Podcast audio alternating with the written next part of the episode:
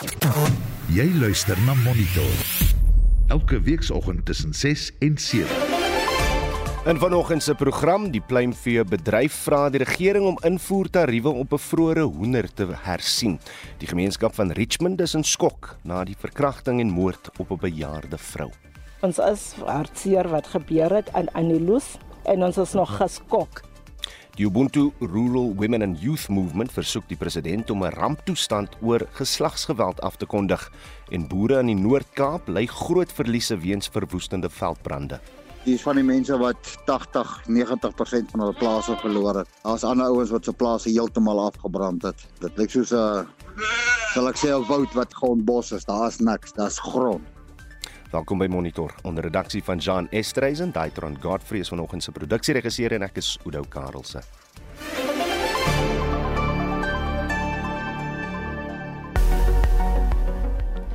Goeiemôre en ek is Estie de Klerk met jou reisigersweer soos uitgereik deur die Suid-Afrikaanse Weerdiens. 'n Waarskuwing is uitgereik vir die moontlike ontstaan van weggolfveldbrande oor die David Kruiper, Karreeberg en Ubuntu plaaslike munisipaliteite in die Noord-Kaap. Hier volg vandag se minimum en maksimum temperature. Pretoria 1728, Johannesburg 1425, Vereniging 1526, Mbombela 1728, Polokwane 1528, Mahikeng 1727, Vryburg 1630 30, Bloemfontein 1525, Kimberley 1826, Appington 22 en 35, Kaapstad 1521, George 1621, Gqeberha 1723, Oos-London 1826, Durban 2127, Richards Bay 2132 en Pietermaritzburg 18 en 31. Vir meer inligting besoek die Suid-Afrikaanse Weerdienste se webwerf by www.weathersa.co.za.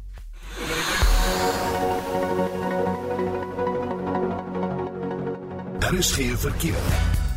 In Gauteng op die N3 is daar padwerk tussen Howick en Lions Rivier, Warden en Frankfurt Vrede en Vaaldraai en De Hoek Tolhek in die Oos-Kaap in Kibega op die R75 roete by Uitenhage weg naby die Dora Nginza Hospitaal.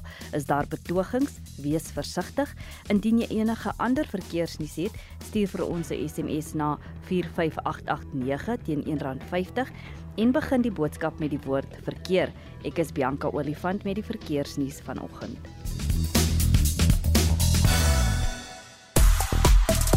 Kenners meen meer werknemers sukkel deesdae met uitbranding in die werkplek. Tekens van uitbranding sluit in onder meer konstante moegheid, hoë vlakke van angstigheid en onverklaarbare hoofpynne. As uit uitbranding al by jou of een van jou kollegas gediagnoseer en ek sien hoe skud die mense al reeds kop hier in die kantoor en hoe het jy dit ervaar? Watter raad het jy vir persone wat konstant uitgeput of oorweldig voel?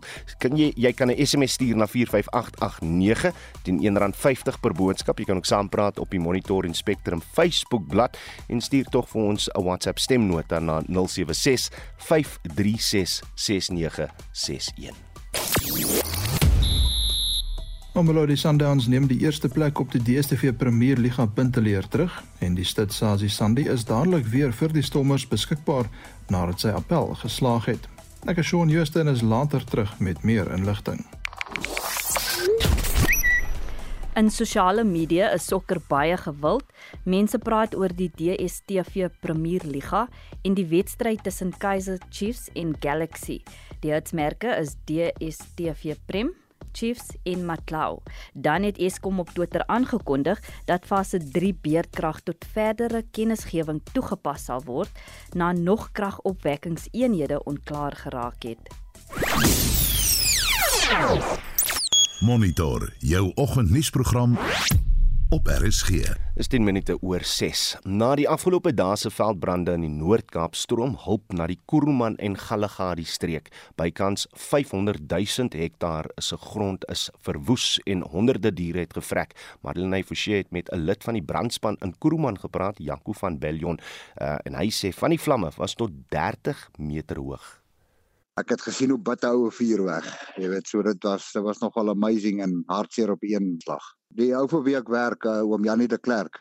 Ons het daar op sy broer se plaas gaan uh, brande spruit. Anderster sou hy alles afgebrand het. Dit was 4 of 5 dae voor die veiling en staan hy by daai draad en hy gryp daai draad vas en hy bid en hy sê Here help my en daar steek hy brand deur teen die draad vas dat hy nie oorspring nie. Nie almal het egter skotvry daarvan afgekom nie. Dis van die mense wat 80, 90% van hulle plase verloor het. Daar's ander ouens wat se plase heeltemal afgebrand het. Dit lyk soos 'n sal ek sê 'n woud wat grondbos is. Daar's niks, daar's grond. Daar's grond. Dis hier en daar 'n ou valboompie wat staan. Maar dit gaan, hulle gaan aan. Hulle ehm um, ouens is maar nogal gehard in hierdie area. Hulle hulle gaan lê nie. Intussen heers daar kommer oor klein en opkomende boere. Groot gevestigde boere kan nog survive, maar ek weet nie van die klein ouens nie. Ek meen as ons as ons moes afgebrand het en ons diere moes doodgebrand het, dan het ons maar tou opgegooi want dit is goed wat jy nie kan vervang nie. Jy kan nie 200 beeste vervang nie. Tannie, hoeveel huise het ons verloor? 4. 5 huise. 5 plaashuise wat heeltemal afgebrand het. Dit is 'n kwessie van 5 minute en dan is alles verby. Die vrou met wie hy hier praat is Madeleine Vlok. Sy is my ons surrogaatmoeder van die brandspan. Sy is altyd daar in die bakkie met die kos en die goed en sorg dat ons eet en drink. Want dit raak so rof, jy weet, jy stop, jy maak vol met water en jy gaan, jy weet. As jy nog tyd vir kos maak jy dan. As ons daar stop, dan staan sy maar reg met die broodjies en die koeldrank en goed. Gaan ons aan. Nou, saam met verskeie ander gemeenskapslede het sy seker gemaak dat die brandspan versorg is in hul stryd teen die vlamme. Die boere was ontsettend moeg. Hulle het 4-5 dae non-stop brande geveg. So as jy begin kry jy nie end nie. Jou adrenalien top baie. Sy beskryf die brand so. Die laaste brande was as gevolg van die weerlig en hy het soveel tonge gemaak dat daar 11 brande in 'n spesifieke omgewing op 'n tyd was dat hulle nie nader nie geweet het waar jy moet vat en waar jy moet los nie. Ek het op 'n stadium met ek gery op die hoofpad tussen Kroeman en, en Danielskou dat ek nou 15 ry. Dit is nie baie nie, maar die vlamme is my vooruit. So vinnig gaan dit. Partymal klink dit soos olie wat kook, ander kere klink dit soos 'n waterval, soos die wind hierdie grasse brand en ons het ook bos, jy weet wat 'n blommetjie en 'n saadjie het wat skiet en dan steek net die veld weer op ander plekke aan die brand. Baie mense het alles verloor.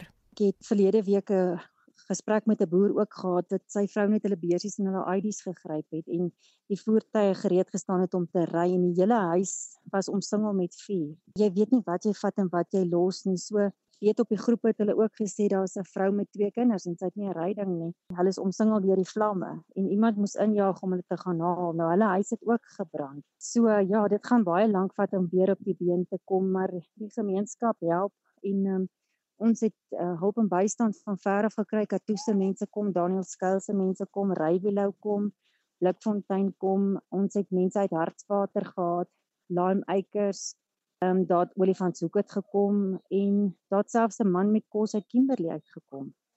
Klere, kos en meubels is wat die mense nou nodig het. Intussen sê die stigter van Droogtehulp SA, Chris van Billjon, hulle het al tientalle mense gehelp en jy kan ook. Die 'n maatskappy Winterstorm Kuilvoer. Hulle het my genader en vir my gesê hulle skenk soveel kuilvoer soos wat ons kan laai. Ons het toe laasweek het ons begin om van daai voer te skuif. Ons het 'n trokmaatskappy gekry wat gehelp het en 'n boer in die area wat ook 'n trok gegee het en dan een van ons eie trokke. In die naweek gaan ons weer 24 boere help. Vroeger in die week het ons 39 boere gehelp. Ons groot krisis waarmee ons sit is die vervoer, brandstof wat so mal duur is. Dit was die stigter van Droogtehulp SA, Chris van Billjon. Marlene Forsie, SAK nuus. Die Suid-Afrikaanse Vereniging van Vleisin- en Uitvoerders, AMI, versoek die regering om die invoertariewe op pluimvee te hersien. Die vereniging beweer dat die heffing 'n ander vorm van belasting is wat verbruikers nie kan bekostig nie. Dit kom nadat die Reserwebank se jongste monetêre beleidsoorsig aangedui het dat douanebelasting meer as verdriedubbel het tussen 2013 en 2022. Ons praat nou met Grant Hendrik se uitvoerende raadslid van AMI. Grant, goeiemôre. Goeiemôre, goeiemôre en goeiemôre aan die uh, luisteraars. Sê my, hoe groot is die verhoging in die douanebelasting op 'n vroeëre hoender wat ingevoer word? Op 'n vroeëre hoender was as was dit uh, laas jaar 94%. Daar's jou teenstortings per per tarief en ook jou normale tarief. Jou teenstortingstarief is 32% en dan jou uh, normale tarief is 62%. So wat die regering regering gedoen het voor hierdie jaar was om die teenstortingstarief van 32% eenkant te sit vir tydjie vir die jaar. So tans is jou belasting of jou tarief op jou 162%. Liewe aarde. So so verduidelik dan net wat die wat die impak op die verbruiker is van julle het hom nou al beskryf as 'n ander vorm van belasting. Ja, definitief 'n ander vorm van belasting want jou tarief of jou, jou word basies maar net op wonder wat ingevoer is gehef en daai geld gaan net so vir vir, vir die regering. So wat gebeur is dan is jy omdat omdat daar 62% uh belasting is sal ek sê in ander woorde dat jy jou uh jou jou jou lokale produsente nie hulle pryse sal afbring nie en omdat hoender op 'n internasionale op 'n internasionale basis as 'n kommoditeit verhandel word wat hulle doen is dan hulle hulle sit hulle prys hulle basiese beskerming van 62% uh, uh op hulle hoender. So wat gebeur is hy daai hoender wat in die land kom, dan word dit tarief op gesit en jou jou verbruiker, jou arme verbruiker of die verbruiker is is al kos wat hulle kan bekostig. Hmm. Uh vleis tipe wat hulle kan bekostig. So so hulle lê daaronder want hulle hulle kry geen sins uh uh, uh kyk so 'n tipe van 'n relief nie, you know. Mm, so 62% al reeds op uh, bo op op jou op jou wins beteken dat dat verbruikers ongeveer op 150 120% ekstra betaal op hoender as dit in die land kom. So grante is beweegruimte vir die regering om om wel verligting te bring. Ja, daar is definitief uh, beweegruimte vir die vir die vir die vir die, vir die uh, regering om um, om uh, verligting te bring. As jy kyk na jou jou vyf groot uh vervaarder uh, lokale vervaardigers, hmm. hulle maak ongeveer 600 miljoen netto wins per jaar vir die afgelope 3 tot 4 jaar. So dit wil vir jou sê dat die teenstortingstarief of die tarief wat gehef word op hoender in hulle guns is hmm. want hulle maak rekordprofite. Ja. Reg, jy het nou versoek dat die regering 'n omvattende hersiening van die invoertariewe doen. Wat behels julle versoek uh, presies? Wat ons wil hê, ons wil net op, op basis uh, uh, uh, hoe kan mense 'n uh, 'n uh, uh, competitive uh, uh, arena hê waar kies jou jou tariewe moet nie totaal geskraap word want jou lokale produsent is ook belangrik vir werkskepping en uh, vir vir voedselsekuriteit in die land. Dit moet net regverdig wees en uh, hulle moet ook hulle moet ook uh, hulle hulle produk uitvoer na die buiteland toe dan sal hulle meer werke kan skep en hulle sal kompetitief, uh, effektief wees en hulle kan in en die voordeel van van in en uitvoer. Daar's altyd uh, die die versekering dat jou jou jou jou uh, verbruiker 'n goeie kwaliteit produk kry want daai produk word uh, word deur jou jou nasionale uh, wets en jou internasionale wets ge uh, uh, getoets om seker te maak daar's nie salmonella, daar's nie bird flu So vir die verbruiker is dit goed op twee vlakke, prysvlak en ook op die kwaliteit van die produk. So ja, ja, dis my punt ja. Dankie. Dit was Grant Hendriks, uitvoerende raadslid van die Suid-Afrikaanse Vereniging van Vleis in en Uitvoerders. Die Ethiopiese weermag het beheer oor 3 dorpe in die Tigray streek oorgeneem. Die burgeroorlog in die streek duur al 23 maande en volgens die Verenigde Nasies benodig meer as 5 miljoen mense humanitêre hulp. Vir meer hieroor praat ons met Willem Els, senior opleidingskoördineerder van die Enact program by die Instituut vir Sekuriteitsstudies. Môre Willem. Goeiemôre Oudo. Sê my hoe die Ethiopiese regering dit reg gekry om dorpe soos uh, Shirei terug te neem vanaf die Tigray People's Liberations Front. Ja jong, as jy kyk na die uh, oorlog daar soos jy sê te reg sê, dit nou al 23 maande aan die gang is, uh, het natuurlik 'n uh, wipplank gery uh uh op een stadium was die Tigray rebelle natuurlik in beheer en hulle was 'n paar kilometers of 'n etlike kilometers van die hoofstad Addis Ababa af toe hulle saam met die Oromo uh mense beklei het teen die regering.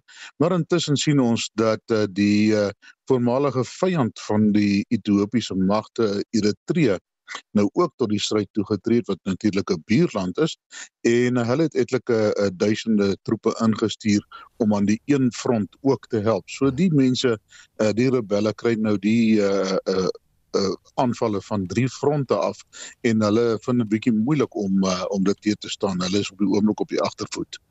Die sekretaris-generaal van die Verenigde Nasies, Antonio Guterres, sê die oorlog is besig om te eskaleer en buite beheer te raak. Is ons dan nou nie al maande lank verby hierdie punt nie?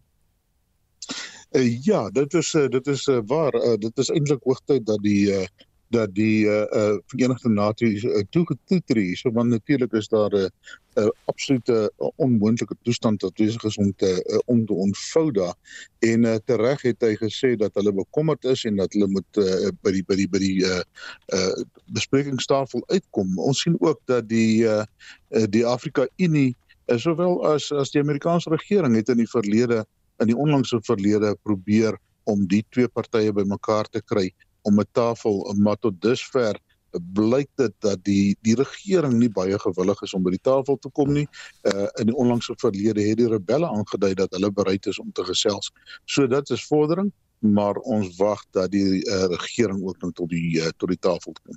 Want dit is seker net die punt nie want die voorsitter van die Afrika Unie Kommissie, Musa Faki Mohammed, het intussen gevra vir 'n skietstilstand in die gebied, maar as die regering tans aan bewind is in sekere streke en en hulle dit lyk asof hulle die oorlog wen, hoekom is hulle sal hulle nou na die tafel toe tree?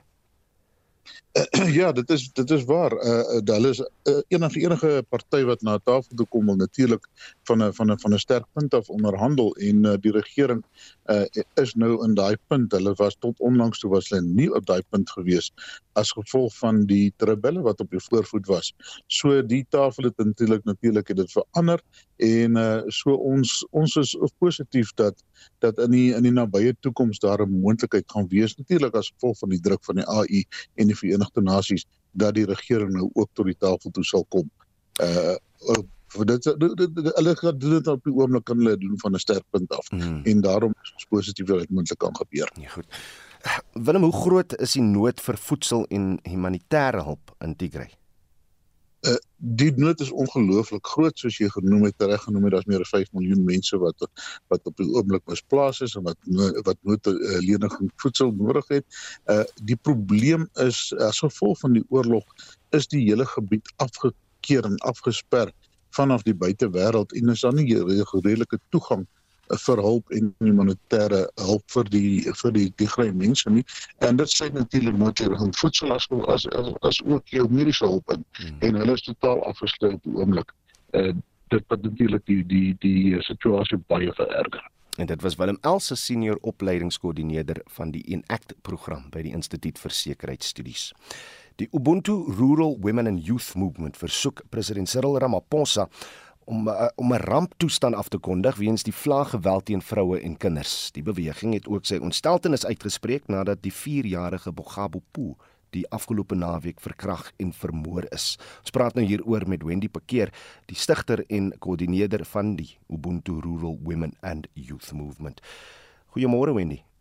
Goeiemôre Oudo. Die statistiek oor geweld en moord op vroue en kinders is ontstellend. Hoe erg is die situasie die afgelope tyd? Dis skokkend. Ek het net eergister in die Soweto gesien dat 549 kinders is vermoor tussen Januarie en nou. Hmm. Ons is nou in die maand van die Girl Child. Um wat waar ons moet celebrate ons klein kinders en is babatjies as ek dit nou so kan noem, 4 jaar oud, 2 jaar oud, 5 jaar oud, 6 jaar oud hulle moes nog gesteel het en veilig gevoel het. En ek nou sien wat met vroue gebeur, ek het gisteraand net so 'n bietjie gaan skrol want ek weet nou van Perel wat Tamia vermoor was. Die twee kindertjies, um, 9 en 10 jaar oud, um, in die Karoo wat vermoor was alles so 2 weke gelede en en dan was daar die seentjie in Khayelitsha en um, das um Bakabo wat nou wat um nou ook in hierdie week gevind was en so aan. En te sien ek die die jong meisies 30 en 17 Leanne en Isli Jaars. Daar's 'n 82 jarige vrou wat vermoor was, verkrag en vermoor deur 'n 17 jarige seun, 84 jarige bejaarde vrou wat ver, wat verkrag was deur 'n 21 jarige seun en hy sy sterf as gevolg van die trauma van die verkrachting. En dan is daar die jong ma 6 maande swanger in die Kaap en sy al lyk word gekry gedamp teen die pad. En ek dink Ja, ek is so kwaad nou um, Hmm. ek het nie eintlik ek kan nie my emosies beskryf om elke keer die TV te kyk, die nuus of net my die, met die koerant oop te maak of op Facebook te gaan en dan sien ek nog 'n storie, nog 'n statistiek, ja. nog iemand wat vermoor word. Dis ontstellend en beskokkend. Wendy, kom ons hou mekaar se hand vas en ons kyk na oplossings, want as 'n ramptoestand nou wel afgekondig word deur die president, hoe gaan dit help? Um ek dink nou net hoe level 5 van die lockdown gebeur het. Hmm. Wat um um ek ek praat nou nie van so 'n toestand waar mense nie eens kan beweeg nie, waar ons ingeperk was in ons huise. Wat het gebeur? Wat het met vroue dit het gebeur? Wat in abusive relationships was. Hulle was vasgekeer in die woning saam met die mishandelaar. Nou dis nie so tipe um lockdown wat ons byvoorbeeld of 'n ramptoestand wat ons op vra nie. Ons wil hê die regering moet um daar is mos nou mense aangestel in verskillende departemente om die kwessie van gender-based violence aan te spreek.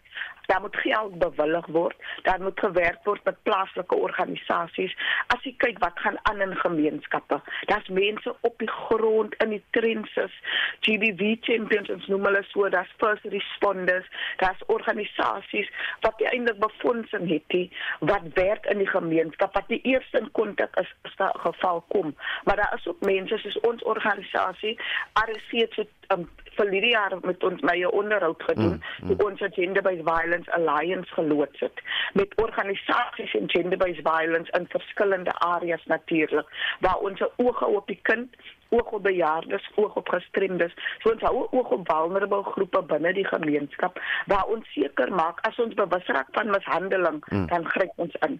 Ons help vroue met beskermingsbevele. Ons gaan saam na die hof. Ons ondersteun families waar my, meisies vermoor is, maar ons ons strategie is meer voorkomend.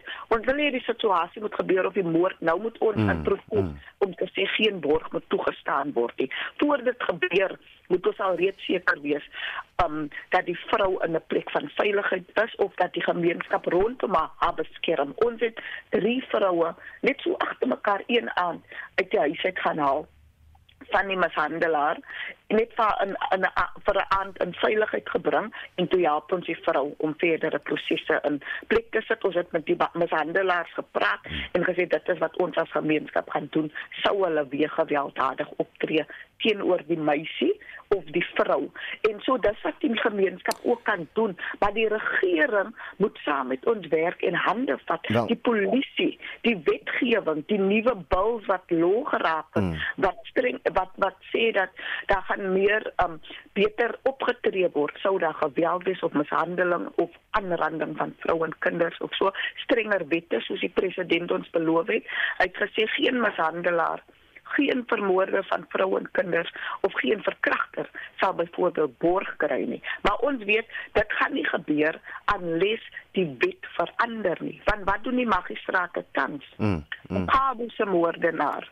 Hy was uit op borg vir die verkrachting van 'n 9-jarige. As hy nie borg gekry het nie, sou Begabo vandag nog gelewe het. So daar's 'n probleem met ons regstelsel. Daar's 'n probleem met magistrate wat nie twee keer dink om 'n mishandelaar of 'n of iemand wat so breed so wreed. Ek as ek net dink en wat ek gelees het oor Begabo en hoe haar liggaam geskend was, daai kleine kleine liggaampie. As ek net dink wat sy deurgemaak het, wat wat hierdie man aan haar gedoen het, dan dink ek, hoe is dit mens moontlik dat iemand sulke wrede dade kan doen? Nou, hoe laat 'n mens iemand op borg uit? Wat wat dit doen? Hoe laat 'n mens iemand op borg uit wat 'n 9-jarige kind skend? Absoluut. en en so aan. So so daar daar's 'n fundamental question. Iets moet verander. Die magistrate, hulle moet op opleiding gaan. Daar moet gemonitor word. As as as as daar besluit was dat niemand kry borg soos die nie. En en daar moet strenger opgetree word oor ons. Ek is nie presies seker wat moet gebeur nie. Net as baie mense wat sê bring die doodstraf terug. Nou ek het nie 'n mandaat van my organisasie om te sê van ons het nog nie daaroor gepraat nie. Mm. Um, ons het ook daar's ook mense wat sê um ontneem mans van hulle manlikheid. Maar ek weet byvoorbeeld as dit gebeur, gaan hulle weer meer gewelddadig wees want daar's verskillende maniere wat mans verkrag. Ek het al gelees van besemstokke gebruik, bottelkoppe, bottel om, om, om vroue so seer te maak. Ja, ons rol is nou by die om by die regering aan hulle deur te klop en en vra, die wetgewing is daar. Hoekom word dit nie deurgevoer nie? Maar ons los dit vir vanoggend hier. Dit was Wendy Parkeer, die stigter en koördineerder van die Ubuntu Rural Women and Youth Movement.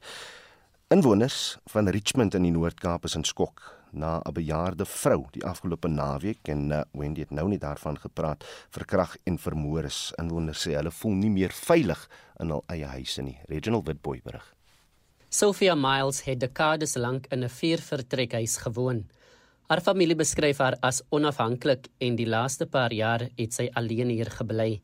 Verlede naweek is sy verkrag en vermoor in die huis vir wie sy so lief was. Haar kleindogter Tembisa Mkontwana verduidelik. She wanted her space so we are shocked and heartbroken of what happened. I mean no one deserves to die the way she did.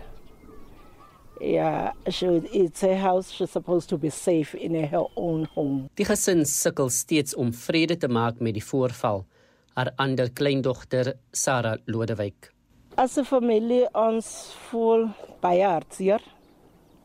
Ons is hartseer wat gebeur het aan Anilus en ons is nog geskok. Inwoners sê die misdaad het hulle geskok. 'n Inwoner, Tobisa Fakela, sê al klein Karoo dorpie het sy rustigheid verloor. I'm not feeling okay. And the whole community of Richmond was shocked because of this news. It tells us that we are now more safe. Die Ubuntu munisipaliteit sê hulle is bekommerd oor bejaardes wat alleen woon. Dwelmverwante misdade is hier kommerwekkend.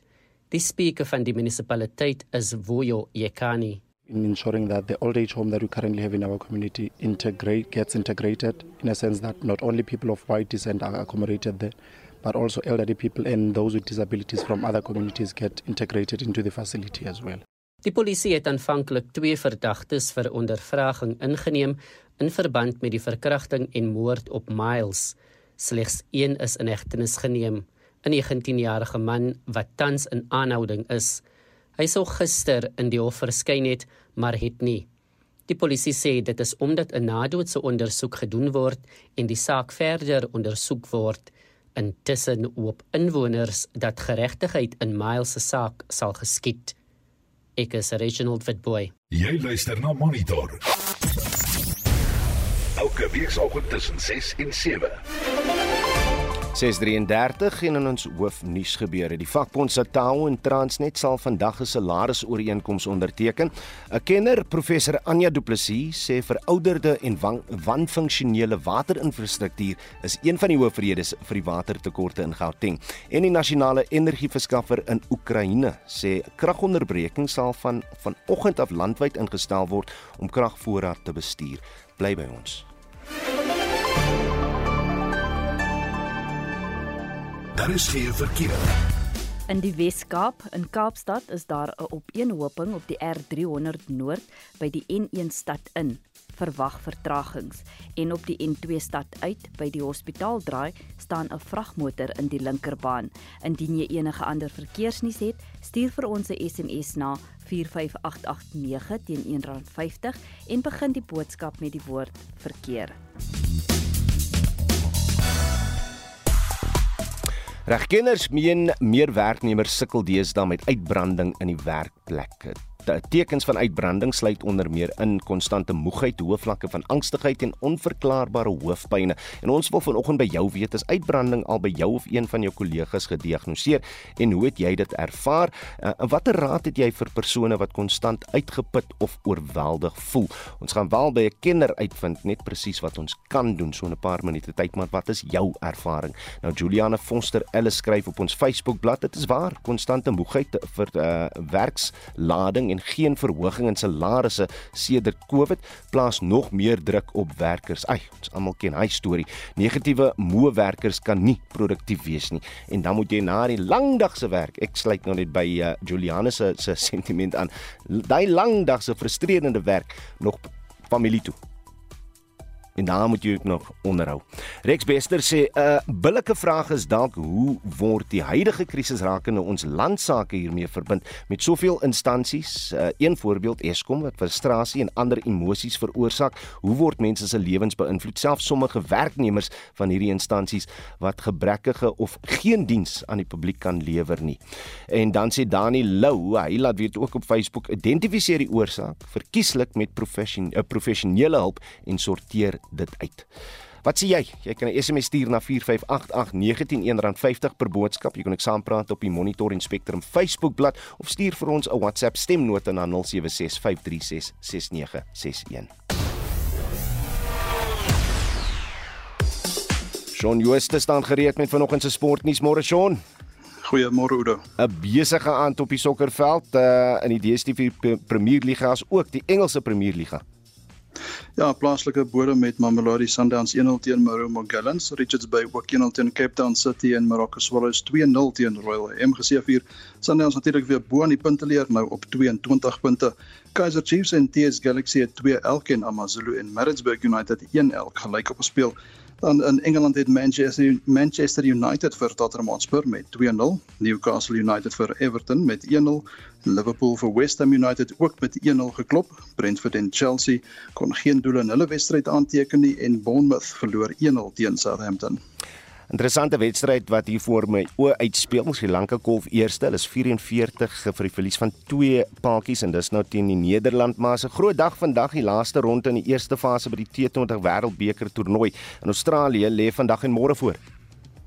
Ja, al agt spanne in fase 1 het nog 'n kans om vir die Super 12 ronde te kwalifiseer. Nou in groep A het Nederland 4 punte en Namibië en Sri Lanka 2 punte elk. Soos jy sê, Sri Lanka meet nou teen Nederland kragte en Namibië kom 10 uur teen die Verenigde Arabiese Emirate te staan en dan in groep B het al vier spanne 2 punte elk so wie ook al môre se wedstryde wen dring dan deur na fase 2.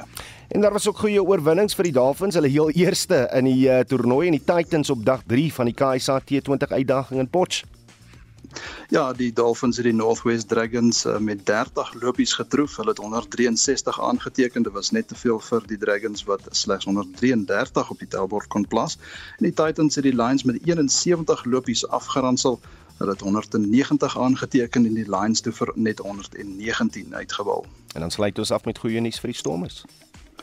Ja, die stad Sazi Sandy is die naweek weer vir die Kaapenaars beskikbaar nadat sy appel teen 'n 3 week skorsing natuurlik nou suksesvol was. Hy het 'n rooi kaart in die wedstryd teen Edinburgh gekry nadat hy koppe gestamp het met 'n opponent, maar dit was heel onskuldig geweest, 'n bietjie van 'n ongeluk en die rooi kaart, rooi kaart word na 'n geel kaart verander. Die Stormers speel Saterdag aand in Wallis teen die Cardiff Blues. En dit was Shaun Jooste van RSG Sport.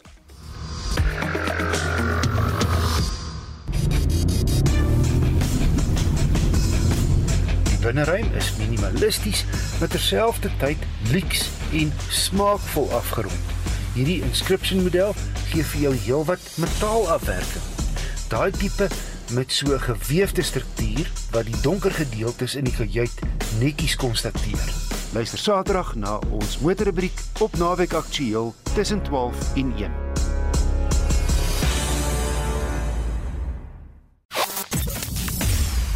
Monitor jou oggendnuusprogram op RSG. Dis 21 minute voor 7. Vir internasionale nuus sluit Estie nou by ons aan en ons begin in Oekraïne waar die nasionale energiemaatskappy inwoners aangeraai het om alle toestelle teen 7 uur vanoggend ten volle te laai weens moontlike kragtoevoeronderbrekings wat deur Russiese missielaanvalle veroorsaak is. Is reg Oudo Oekraïne se president Volodymyr Zelensky sê 30% van die land se kragstasies is deur Russiese missielaanvalle beskadig sedert aanvalle op 10 Oktober op kragstasies begin het. Die kragverskaffer sê daar was meer aanvalle op kragstasies in die afgelope paar dae as in die hele 10 maande sedert Rusland Oekraïne binnegeval het. En die kragoperateur sê kragonderbrekings van tot 4 ure lank op 'n slag sal van vandag af ingestel word. Intussen het Rusland se president Vladimir Putin verskerpte sekuriteitsmaatreëls aangekondig in die Russiese gebiede Luhansk, Donetsk, Zaporizhia en Kherson. Die maatreëls sluit in dat mense nie mag rondbeweeg nie en dat die Russiese weermag beslag mag lê op eiendom. In Kherson het Russiese magte begin om inwoners uit die streek te ontruim omdat Oekraïne al nader aan die gebied beweeg. En nou verskuif ons die fokus na Brittanje waar nog chaos gister in die parlement uitgebreek het en die minister van binnelandse sake Suelle Braverman bedank het. Is reg Udo en Braverman is die kortste dienende minister van binnelandse sake sedert die Tweede Wêreldoorlog. Sy het 'n amptelike dokument van haar persoonlike e-posadres gestuur wat beskou word as 'n tegniese oortreding van regeringsreëls. Sy sê die Tory party het foute gemaak en om te maak asof die foute nie begaan is nie, gaan hierdie situasie skielik regmaak nie. Haar bedanking kom net 'n week nadat die minister van Finansies Kwasi Kwarteng afgedank is te midde van volgehoue druk op Liz Truss dat sy moet bedank. Dat hy moet bedank eerder. Uh Braverman is met Grant Shapps vervang. I accept that the government has obviously had a very difficult um, period. Uh, what I do know is there's a very important job to do. People expect their government to ensure there is security for them. Uh, the Home Office is at the heart of that in so many different ways. Uh, it's a great office of state. I'm obviously honoured to do that role. In die parlement het sake vir Listras net erger geword toe sy vrae van oppositiepartye moes beantwoord. Hier is die leier van die Arbeidsparty, Sir Keir Starmer en Truss se antwoord daarop. A book is being written about the Prime Minister's time in office. Apparently, it's going to be out by Christmas. Is that the release date or the title? I have been in office for just under two months, and I have delivered the energy price guarantee. I've reversed the national insurance increase. Mr. Speaker, that is more of a record of action than the Honourable Gentleman in his two and a half years in the job. En hier is die Westminster leier van die Skotse Nasionale Party, Ian Blackford. Can the Prime Minister perhaps turn to our Chancellor right now get permission to make another U turn and commit to raising the state pension at the rate of inflation. Maar meer chaos het uitgebreek oor 'n Tory stem ten gunste van hidrobreking en lede van die konservatiewe party sê hulle weet nie waarvoor hulle gestem het nie. Hier is Chris Bryant van die Arbeidsparty met 'n bewering teen die konservatiewe party oor hoe lede van die Tory party gedwing is om ten gunste daarvan te stem. I saw members yep being physically manhandled into another lobby and being bullied. If we want to stand up against bullying in this house of our staff, we have to stop bullying in this chamber as well, don't we? En 'n parlementslid van die konservatiewe party, Charles Walker, spreek sy misnoë uit oor die stem wat uitgebring is. I think it's a shambles and a disgrace. I think it is utterly appalling. So, so you seem quietly. I'm, I'm, I'm livid. And, you know, I really shouldn't say this, but I hope all those people that put Liz Truss in number 10, I hope it was worth it. I hope it was worth it for the ministerial red box. I hope it was worth it to sit round the cabinet table because the damage they have done to our party is extraordinary. En dit was die Tory parlementslid Charles Walker. Estie baie dankie. Dit was Estie de Klerk met 'n oorsig oor vandag se wêreldnuus. Verouderde en wanfunksionele waterinfrastruktuur is een van die hoofredes vir die watertekorte in Gauteng. Dit is volgens professor Anja Du Plessis, mede-professor in die departement geografie aan Unisa. Volgens haar is die provinsie 'n voorbeeld van 'n gebied wat watertoevoer probleme ervaar terwyl die damme vol is. Sy sluit nou by ons aan. Prof, goeiemôre. Goeiemôre.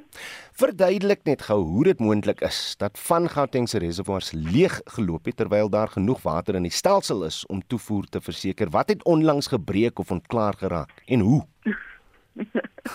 Ek dink daar het 'n paar goeders ehm um, gebreek ja vir 'n paar 20 jaar met ons verouderde infrastruktuur en niks wat eintlik ehm um, reggemaak is nie. Kyk, die die probleem is is dat jy sê dit is nie net 'n een faktor nie, daar is 'n hele paar faktore die aanhoudende ehm um, kragonderbrekings spesifiek wel speel ook 'n rol. Ehm um, in terme van randwaterinfrastruktuur kom dinge nou uit om te sê dat hulle pompstasies werk nie ordentlik nie. Ehm um, die pompe was nie ehm um, reg nie. Dan het jy Johannesburg water wat sê hulle pype is meer as 100 jaar oud. Ehm um, en hulle maak die pype reg op 'n prioriteitsbasis. Ehm um, en dan ook ons eie verbruik is ook baie hoog, maar dan moet mense weer kyk na jou infrastruktuur waar dit gesê word dan 40% van die water wat gepomp word voordat dit uit my kraan uitkom, word klaar verloor. So daar is menigte faktore wat bydra tot die huidige krisis in Gauteng. Niks kan nie kan vir die regering 'n uh, 'n verrassing wees nie. Daar sal in 2002, as ek reg is, 'n verslag gelewer wat, wat toon dat ons te veel water gebruik as as verbruikers, maar ook dat instandhoudingswerk nie gedoen is nie en dat ons infrastruktuur verswak. Dis dit reg. En ehm um, ek dink ehm um, dat die regering moet besluit, jy weet of hulle vir van die navorsing en van die goeders wat ehm um, ehm um, heel duidelik is wil wil luister. Aan die einde van die dag kom dit neer op hulle dat hulle moet die besluite neem om te sê dit is hoeveel geld ons gaan belê dit is hoe ons hierdie probleem gaan gaan takel. Maar dit lyk nie vir my asof water ehm um, hoog genoeg is op die agenda nie. Ek hoop nou met die probleme in Gauteng ehm um, as ook in Nelson Mandela Bay dat water eintlik 'n groter issue ehm um, is vir die regering hmm. sodat hulle eintlik enige aksie nou begin neem dat niks gedoen is nie. Ek kan seker nou net twee dinge aflei. Of die regering wil nie luister nie of as ek nou kyk na my kollega Susan Paxton se se fokus gister op Spectrum oor die feit hmm. dat daar meer as 2000 staatsamptenare nie die nodige kwalifikasies het vir die pos wat hulle beklee nie. Kan dit 'n ander moontlikheid wees dat daar net nie binne Randwater spesifiek in die departement van water en sanitasie uh, 'n kundigheid is nie? Ja, dit beide van dit speel 'n baie groot rol as ook die ehm um, kapasiteitsprobleme.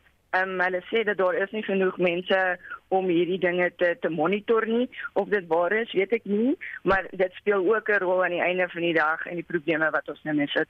Reg, as dit kom by die infrastruktuur, eh, die instandhoud eh, instandhoudingswerk en dit wat nou reggemaak moet word, het ons al 'n skatting van hoeveel dit gaan kos? Wel, daai daai figure ehm um, is verskillend van wie jy ook al jy vra. Ehm um, Johannesburg Water sê 3.3 miljoen. Ehm um, ander mense sê dit is te min. Ehm um, so ek dink nie ons sal eintlik regtig weet hoeveel dit gaan eintlik kos totdat ons eintlik weet wat is die huidige toestand van die infrastruktuur nie. Die infrastruktuur mag dalk in 'n slegter toestand wees as wat dit heidaglik is.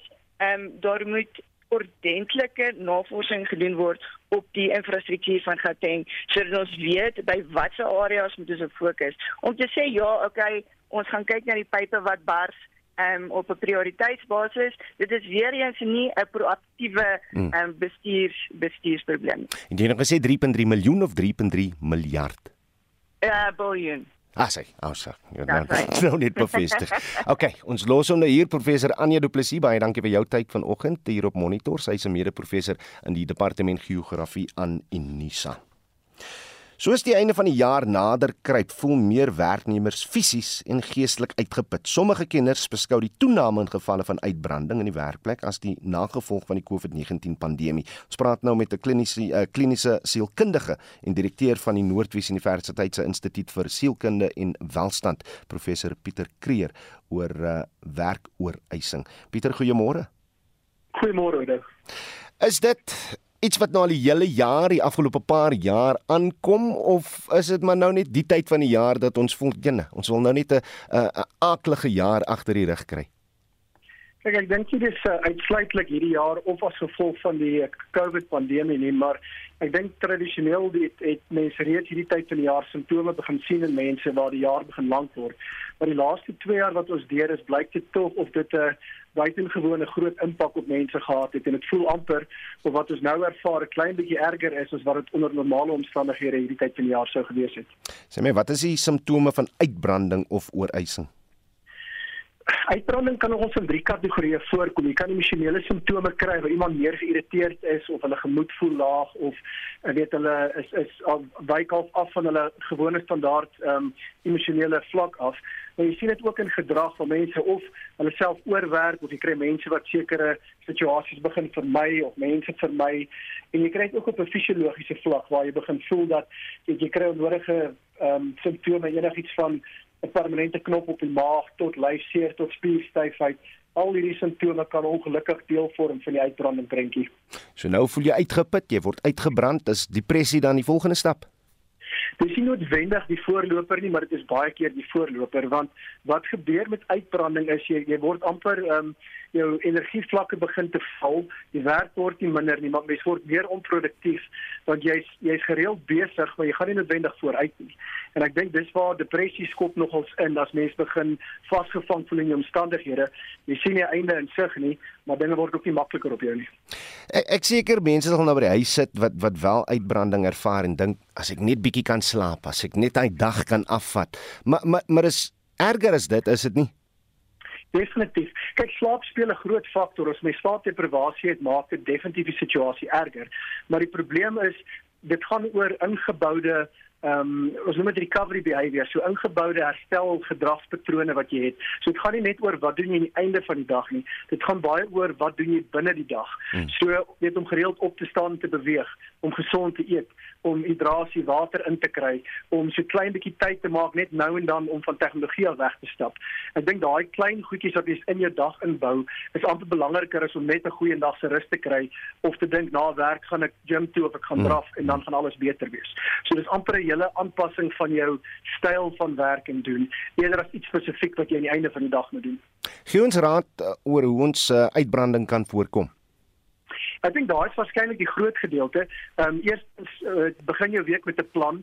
As jy kan so 'n bietjie struktureer hoe jy jou week gaan en die die moeilike goed die die die bil by die horingspak uh, en dan tussendeur kyk na hoe jy eet, hoe jy slaap en dan spesifiek hierdie ingeboude um, herstelgedrag deur die dag. Ek dink as mens dit kan inkry, gaan dit vir die beste moontlike kans op oorlewing gee, veral soos wat hierdie jaar na einde se kant toe staan. En wanneer moet ons mediese hulp dan kry?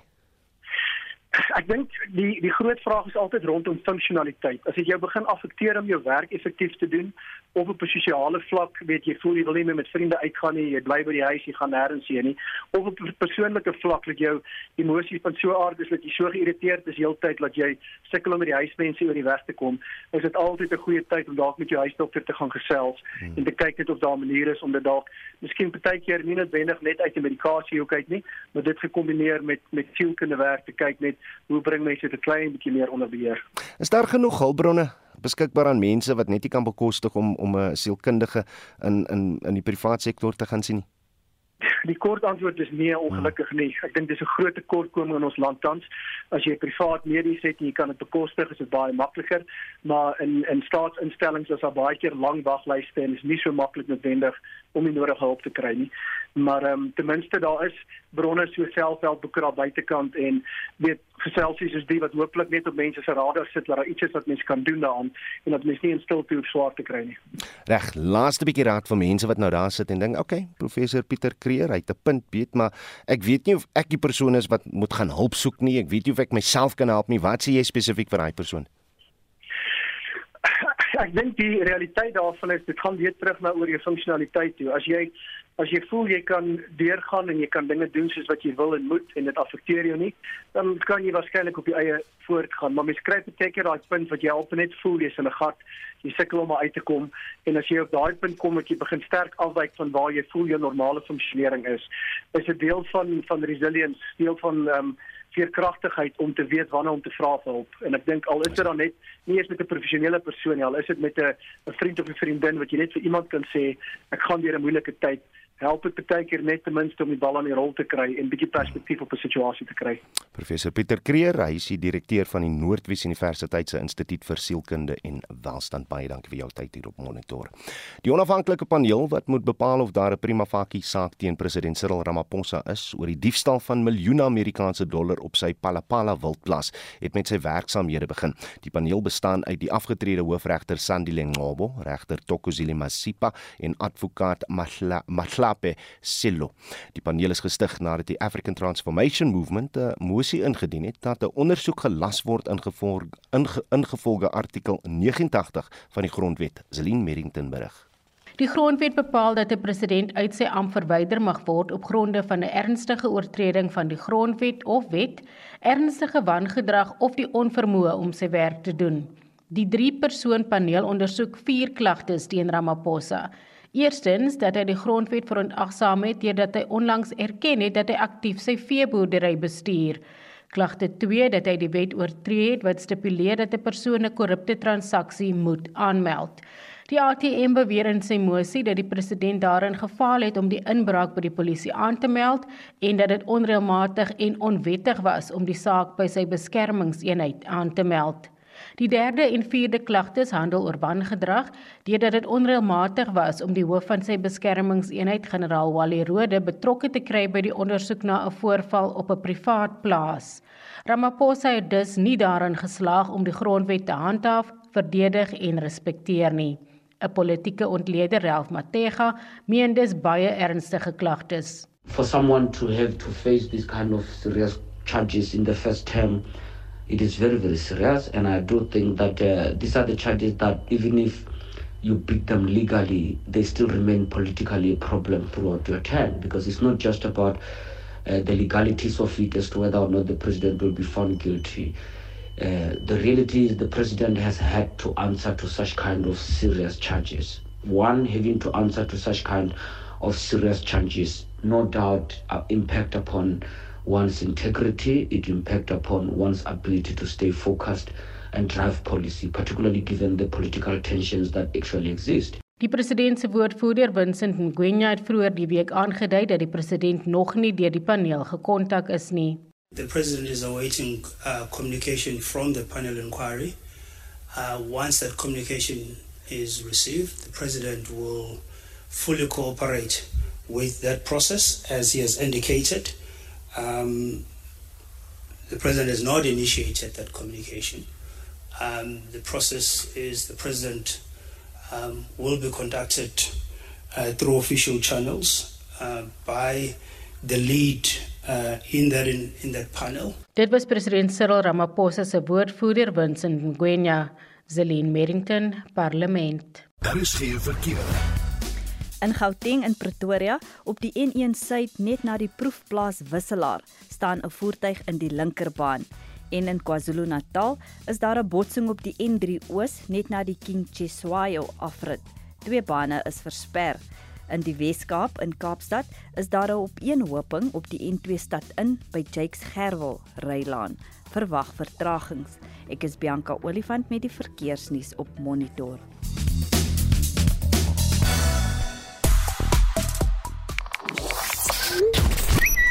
Sosiale media gons oor Cristiano Ronaldo wat die veld verlaat het voor die eindvletjie teen Tottenham.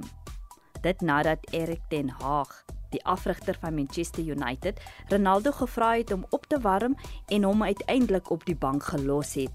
Meer hieroor onder die hitsmerk Ronaldo, ten Hag en Tottenham. En miskien is Ronaldo ook so 'n bietjie uitgebrand by die werk. Ons praat juis vanoggend oor uitbranding in die werkplek en of jy dit ervaar of sien jy dit in iemand een, een van jou kollegas of familielid of so. 'n Luisteraar sê anoniem ek was ook al met uitbranding gediagnoseer. Dit het my 6 maande geneem om te herstel. Die spanning en angs met uh, wat in die land aangaan is hektiek. Dit maak dat 'n mens nie kan fokus of dink aan enigiets anders nie. Dis nie maklik nie, maar die beste is om goed te wees vir jouself. En dit is 'n moeilike proses daarin. 'n Ander luisteraar laat weet ek is 'n brandweerman by ons is uitbranding nie 'n opsie nie.